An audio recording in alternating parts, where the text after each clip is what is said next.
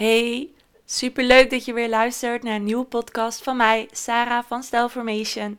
Ik help vrouwelijke ondernemers met het ontwikkelen van hun persoonlijke kledingstijl, die helemaal kloppend is met hun binnenkant. En ja, in deze podcast ga ik het met je hebben eigenlijk over een persoonlijk onderwerp waar ik afgelopen week mee in aanraking kwam. En ik vond het heel erg belangrijk om dit te delen. Ik heb het namelijk ook gedeeld op social media en toen kwamen er zoveel reacties op van vrouwen die hetzelfde hadden ervaren en hoe het hun leven had beïnvloed. En ik dacht, ja, hier moeten we echt wat mee. Dus bij deze, hier is de podcast. En uh, in deze podcast ga ik je dus meer vertellen over de situatie waar ik in kwam, hoe het mij beïnvloedde. Um, en ja, hoe we ervoor kunnen zorgen dat we het niet meer laten beïnvloeden in het dagelijks leven, in het contact met anderen en whatsoever. En onze kledingstijl.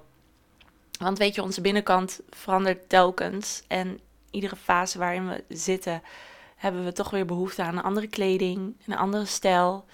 En dat is omdat wij heel erg vanuit gevoel leven en, en ja, handelen. Ook al zijn we daar niet heel erg bewust van, toch is dat in het vrouwelijk wezen zo. En daarom verandert onze kledingstijl zo. Maar een nare situatie kan onze kledingstijl ook doen veranderen. En daar, dat zag ik dus afgelopen week toen ik mijn verhaal deelde op Instagram. Dat er zoveel vrouwen waren die daardoor zich niet meer durfden te kleden zoals ze voorheen deden. En toen dacht ik, wow. Toen gingen mijn ogen op een nieuwe manier open van, maar dat is toch zonde voor ons hele wezenlijke zijn? Ik voel het vuur weer in me aangaan. Dus uh, daarom ga ik je nu meenemen even in mijn eigen verhaal. Uh, vorige week vrijdag had ik een uh, date. Het was date nummer twee. Met een man die ik ken via Bumble. En ik ken, ja, ik deel altijd mijn date. Ik zeg ook altijd van, ja, ik ga nu weer daten op Instagram, in mijn stories. want ja, ik deel gewoon veel over mijn leven. En deze keer dus ook.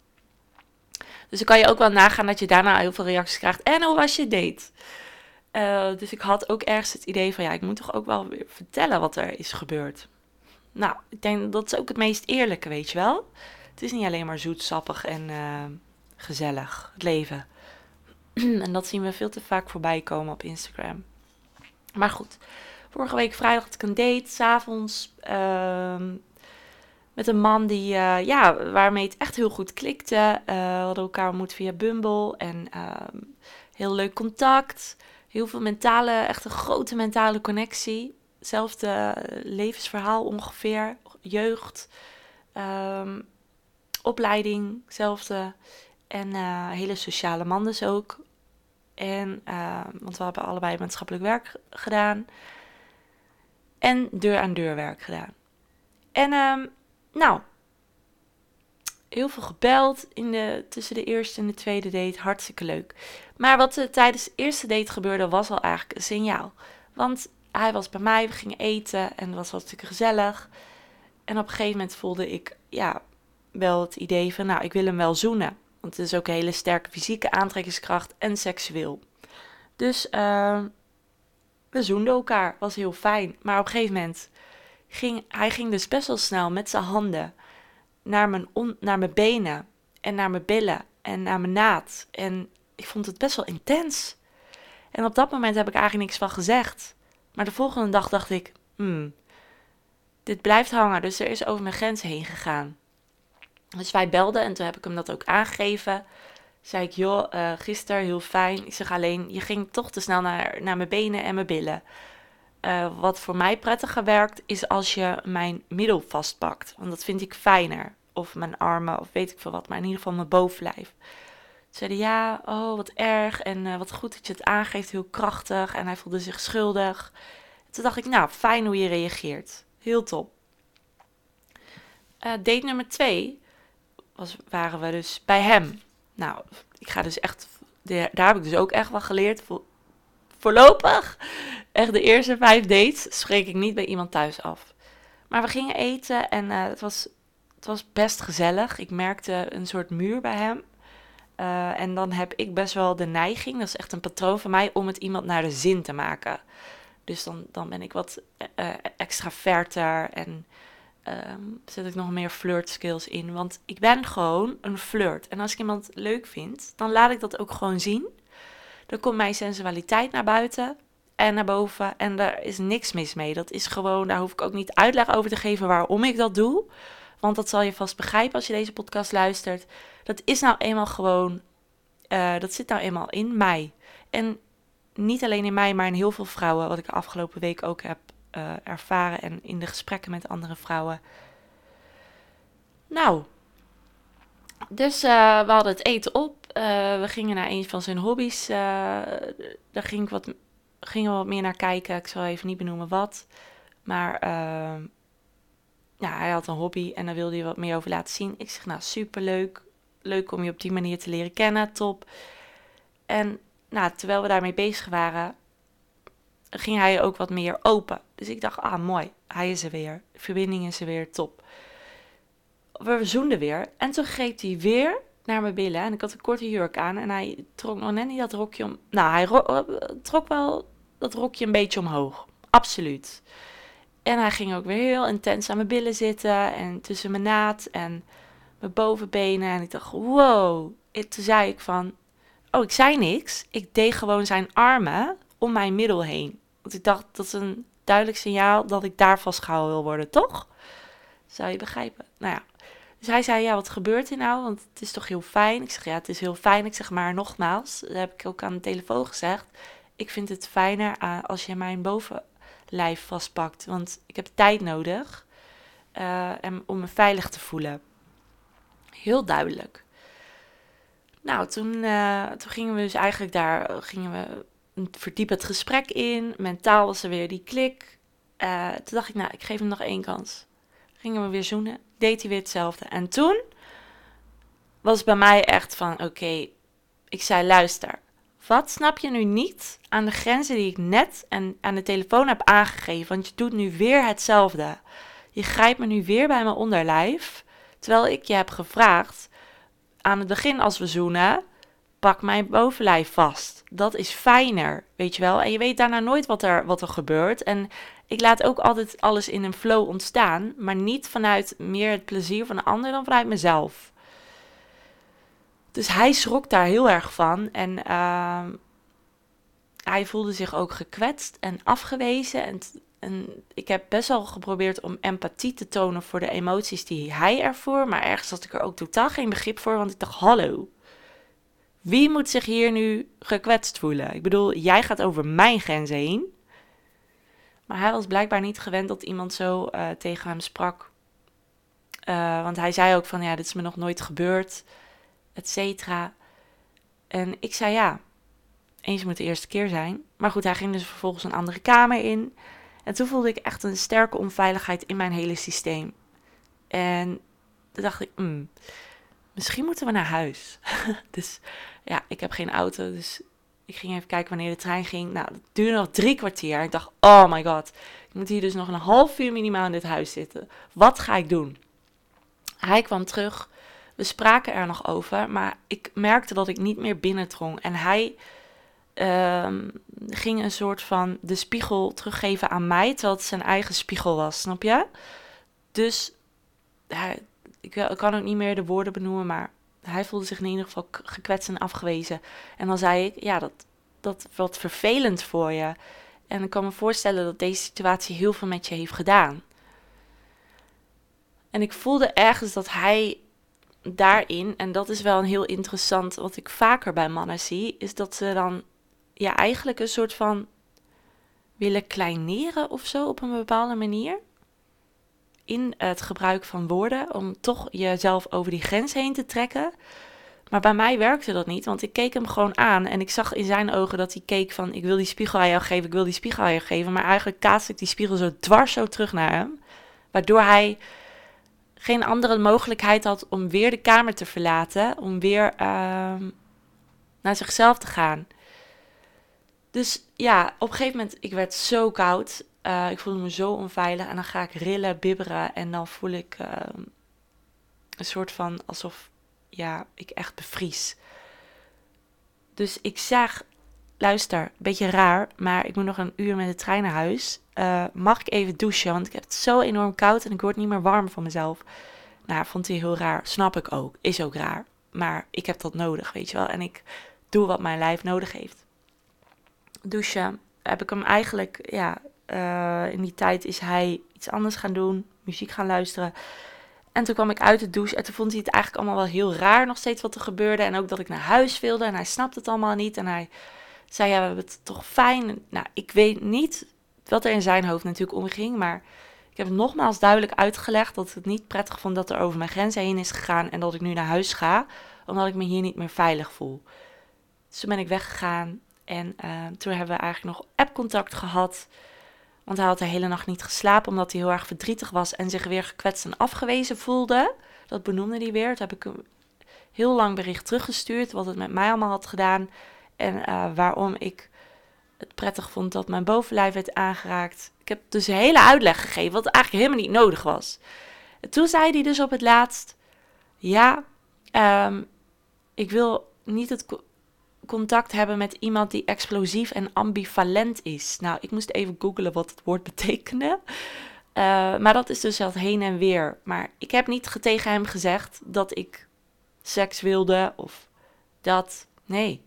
Hij heeft waarschijnlijk mijn flirterige en sensuele en korte jurk aangezien voor dat ik misschien wel seks wilde. Nou ja, want ambivalent betekent dus dat je dan weer wel wil, dan weer niet wil, dan weer wel wil, dan weer niet wil. Heel interessant. Nou, dus um, dat was echt een klap. En ik ging ook naar huis en er waren nog een paar mannen die onderweg opmerkingen maakten. En ik merkte dat ik helemaal naar de grond keek en onzeker was. En ik dacht, ik wil gewoon nu naar huis. En, maar toen dacht ik ook, ja, dag. Hoezo uh, gaan we nu naar de grond kijken en uh, uh, ons klein houden hierin? Nee, dat gaan we niet doen. Dat hebben we al gedaan. Dag. Dus dan heb ik alles op alles gezet om dit proces te verwerken. Dus ik heb voice memo's naar mezelf ingesproken. Wat er nou wat was gebeurd. Want ik had dus ook heel erg het gevoel van schuld en schaamte. Van ik heb iets verkeerds gedaan. Ik heb verkeerde signalen afgegeven. Um, wat erg dat ik deze man pijn heb gedaan. Dus ik ging het helemaal persoonlijk op mezelf betrekken waardoor ik dus het niet meer naar de realiteit kon kijken. Dus toen heb ik het daarna met vriendinnen besproken. Dus ik heb uh, voice memos ingesproken van 10 minuten. Ja, ik ben die irritante vriendin die dat dus doet. maar wel alleen naar de juiste mensen. En um, ik heb met vriendinnen gebeld. Toen ben ik een meditatie gaan doen. Toen ben ik erover gaan schrijven. Um, en op die manier heb ik elke dag heel veel tijd besteed aan mijn emotionele verwerking. Want ik merkte vooral dat die heel veel tijd nodig had. Want ja, het was echt een soort van op slot van wat er nou precies was gebeurd. En een vriendin van mij, die had ik ook gelijk die avond gebeld toen ik vertrokken was uit huis. Die zei van, Saar, maar door weg te gaan op tijd heb je wel echt voor een breuk in het collectief gezorgd. En toen was het ergens dat door die zin kreeg ik ook weer heel veel kracht. Ik dacht, wow, intens. Nou, dat jurkje wat ik dus aan had, wilde ik eigenlijk gelijk weggooien. Toen dacht ik, nee, ik doe het gewoon in de was en ik kijk hoe het er daarna uitkomt. En uh, tot op heden heb ik hem nog steeds niet gewassen, een week later. maar ik ben wel even benieuwd wat daarmee gebeurt. Maar toen dacht ik ook van, nee.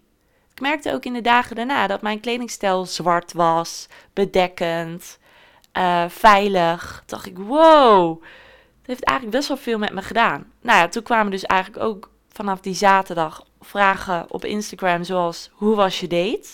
Denk ik, ja, daar kan je niet op reageren, maar waarom niet? Dus ik heb uitgelegd wat er was gebeurd. Toen heb ik er gewoon een hele story over gewijd. En toen kwamen dus eigenlijk heel veel reacties. Ik had bijvoorbeeld een poll geplaatst van... Uh, heb jij wel eens te maken gehad met grensoverschrijdend gedrag? Op dat moment, ik had uh, eh, 360 kijkers en uh, ik had nog nooit zoveel invullers op de poll. 66 vrouwen hadden aangegeven dat ze te maken hadden gehad met grensoverschrijdend gedrag en drie vrouwen niet. Nou, dat is echt bizar. 94% dus wel. En dat vond ik echt gewoon dat ik dacht, wow. Dus toen had ik daarna een story gemaakt. Oké, kan je me uitleggen waarin dat dan het meeste. Uh, wat, wat, wat is er gebeurd? na zo'n situatie? Waarin heeft jou dat het meest aangegrepen? Ze had het te maken met je kledingstijl, met je gedrag. Uh, heb je het inmiddels verwerkt? En uh, nog iets. Met je flirt skills, met het datingproces überhaupt, dat. En toen, toen zei de vrouw, ja, eigenlijk alles van wat je hierboven beschrijft. Dus het gedrag uh, in, in, in, in je omgeving en in de samenleving. Kledingstijl was veranderd. Datenproces was veranderd. En, uh, maar de meeste vrouwen had ook wel, hadden het ook wel verwerkt. Toen ging ik dus dieper in op het stuk van: oké, kan je dan uitleggen wat het heeft veranderd in je kledingstijl? Nou, en ja, dat is gewoon echt die verhalen die ik terugkreeg. Dat vond ik zo schrijdend. En daar wil de, met deze kennis wil ik me eigenlijk gewoon nog meer hard maken over hoe belangrijk nou die kledingstijl echt voor je is. Want kijk, ik heb heel veel gedaan ook om het te verwerken. Ik heb naast al de meditatie ook met mannen weer opnieuw gepraat. Ehm, ik heb, heb, me laten magnetiseren om de oude energie uit mijn lijf te trekken en nieuwe energie daarvoor terug te krijgen. Dus dat, dat zijn hele mooie dingen.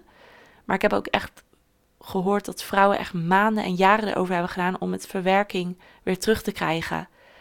En elke situatie is uniek, hè, natuurlijk. En, en elke situatie is altijd anders. En iedereen is anders daarin. Maar ja, dat ik gewoon zoveel terughoor dat een decolleté tegenwoordig wordt vermijd. Jurkjes, rokjes, dat vrouwen een extra broek meenemen als ze uh, uit zijn geweest of s'avonds laat terug thuiskomen en die broek aantrekken. Dat uh, meningen van moeders. Hè, ik had ook een verhaal gehoord van een dame die zei: Ja, uh, dan, dan toeterden mannen namen met de auto. En dan vroeg mijn moeder: van waarom toeterden ze? Oh, dat zal wel door je uiterlijk uh, komen. Ja, dan moet je maar geen make-up dragen en dan moet je maar geen rokjes of uitdagende kleding dragen. Dus eigenlijk wat er dan. Dit is heel interessant, hè? Want daarin neem je dus gelijk een stuk van die familielijn mee in je hedendaagse realiteit. Dus moeder zegt iets, ook vanuit haar eigen beleving. En jij anticipeert daarop door je aan te passen aan haar mening. En dus je zet eigenlijk uh, het patroon in de familielijn door. Want het, ja, het is echt een eeuwenoud iets. Ik, hè, moeders, oma's, die te maken hebben met grensoverschrijdend gedrag van mannen. En waar dit vandaan komt, ja, dat heeft toch echt te maken met het patriarchaat. Hè, dus echt eeuwenlang is dit al gaande dat mannen denken dat zij dus over de grenzen van vrouwen kunnen gaan. En dat zij recht heb, hebben op het vrouwelijke lichaam wanneer het hun uitkomt. En dat zal vast niet heel bewust zijn, maar vooral ook onbewust, omdat de mannen in deze tijd en de vrouwen dus ook eigenlijk die cyclus in dat collectief mogen doorbreken. Dus ik voel echt, en ik heb daar ook een paar reacties op terug gehad, vond ik ook wel een hele mooie bevestiging, is dat deze generatie, dus hè, de, millennials en daarna, uh, de nieuwkomers, dat die dus echt die familielijn gaan doorbreken. Want wij vrouwen staan op, wij vrouwen worden krachtig. Dat zie je aan alles. Dat zie je aan hoeveel vrouwelijke ondernemers er zijn. Dat zie je aan uh, zelfs dat uh, Maria Magdalena, de partner van Jezus, die dus een van zijn belangrijkste discipelen was, nu ook wordt meegenomen in de Passion. Wat dus elk jaar wordt uitgezonden live op tv. Ik neem even een slok water, want ik merk dat mijn keel droog wordt.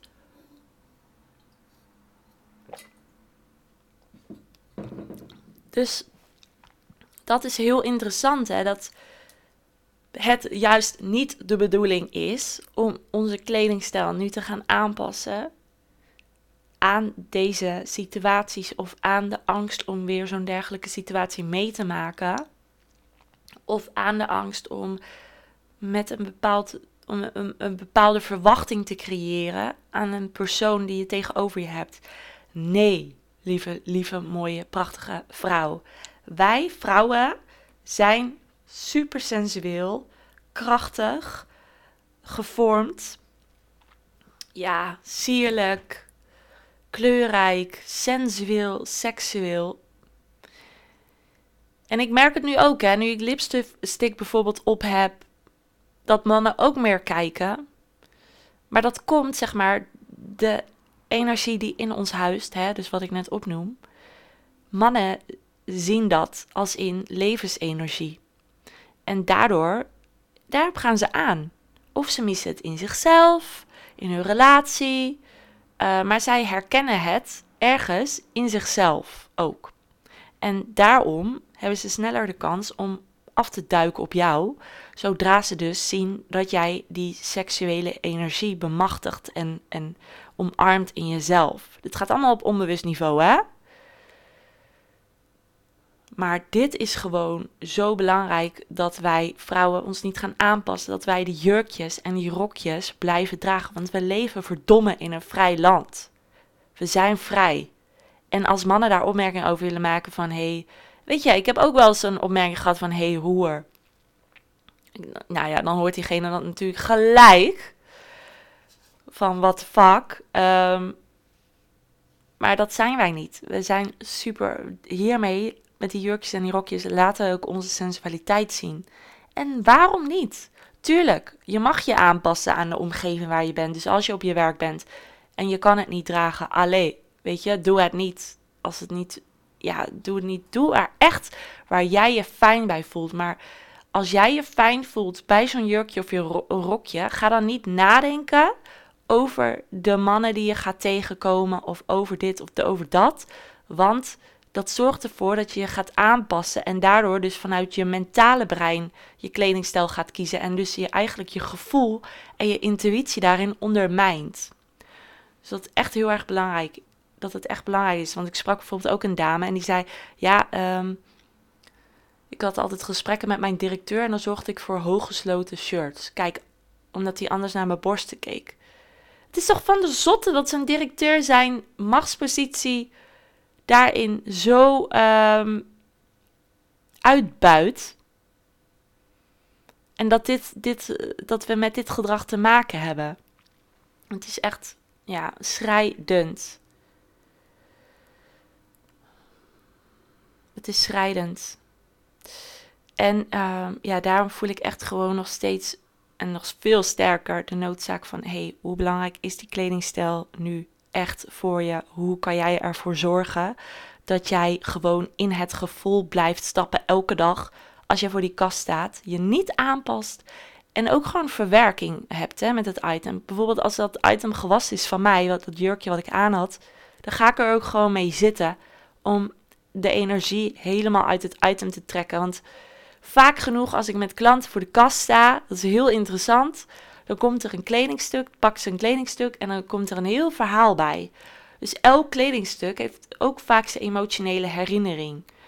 En uh, vaak blijft die herinnering, hè, als die negatief is, blijft die heel erg hangen. En dan vraag ik ook altijd aan mijn klant: kan je dit loslaten of moet je het item loslaten? En dat is dus, dat is dus wel echt een hele interessante. Um, maar als, jij, als, hè, als je de situatie wilt loslaten, dan mag je daar nog een stuk vergeving op hebben. Dus ook het item vergeven wat je aan had. Uh, jezelf nog een stuk vergeven. Want je hebt niks verkeerds gedaan. En die schuld en schaamte, die mogen gezien worden. Want het is iets wat naar boven komt drijven. Vanuit een oude emotie, gevoel en, en, en misschien ook een stuk vanuit je opvoeding. Of van, hé, hey, dat hoort niet zo. Maar het is niet de realiteit, want jij mag gezien worden in die jurkjes, in die rokjes. Je mag je lijf showen, je mag die decolleté laten zien als jij daar blij van wordt. Doe, blijf, blijf jezelf. Blijf jezelf in die stijl. Draag wat jij leuk vindt. En als je echt zoiets hebt van ja, maar ik kan niet mezelf zijn in een stijl omdat ik werk heb, wat daar niet bij past, maar het is toch heel erg belangrijk voor me. Zoek ander werk. Zoek ander werk. Doe iets waar je wel echt blij van wordt. En uh, zorg ervoor dat je daarin wel kan kleden zoals je wil. Want ja, dat is wel een ander onderwerp voor de volgende keer. Maar naarmate je steeds meer in zo'n soort van werkpakje bent, en minder je eigen stijl kan dragen, verlies je ook weer een stukje gevoel met je eigen kledingkast. Dus ik denk dat dit het was. Uh, mijn verhaal is denk ik duidelijk. Ik hoop dat je heel erg hebt genoten van deze podcast. Dat je er ja, veel uit hebt gehaald. Een stuk wijzer van bent geworden. En um, ja, nog meer liefde voor je lijf hebt. Want dat is het gewoon. Het is echt de liefde voor je lijf. Om de stijl te dragen die jij wil. Om nee te zeggen tegen keuzes waarvan je lijf gewoon in elkaar duikt. En denkt: nee, mij niet bellen. Absoluut. Weet je, luister naar je lijf. Je lijf heeft gewoon de waarheid in pacht. En luister niet naar je hoofd. Daarin. Ehm, dat. Dus een hele fijne dag. En als je nog iets wilt teruggeven op deze podcast, laat me zeker weten. Vind ik heel interessant. En uh, anders wens ik jou een hele fijne dag. Tot de volgende keer. Doeg!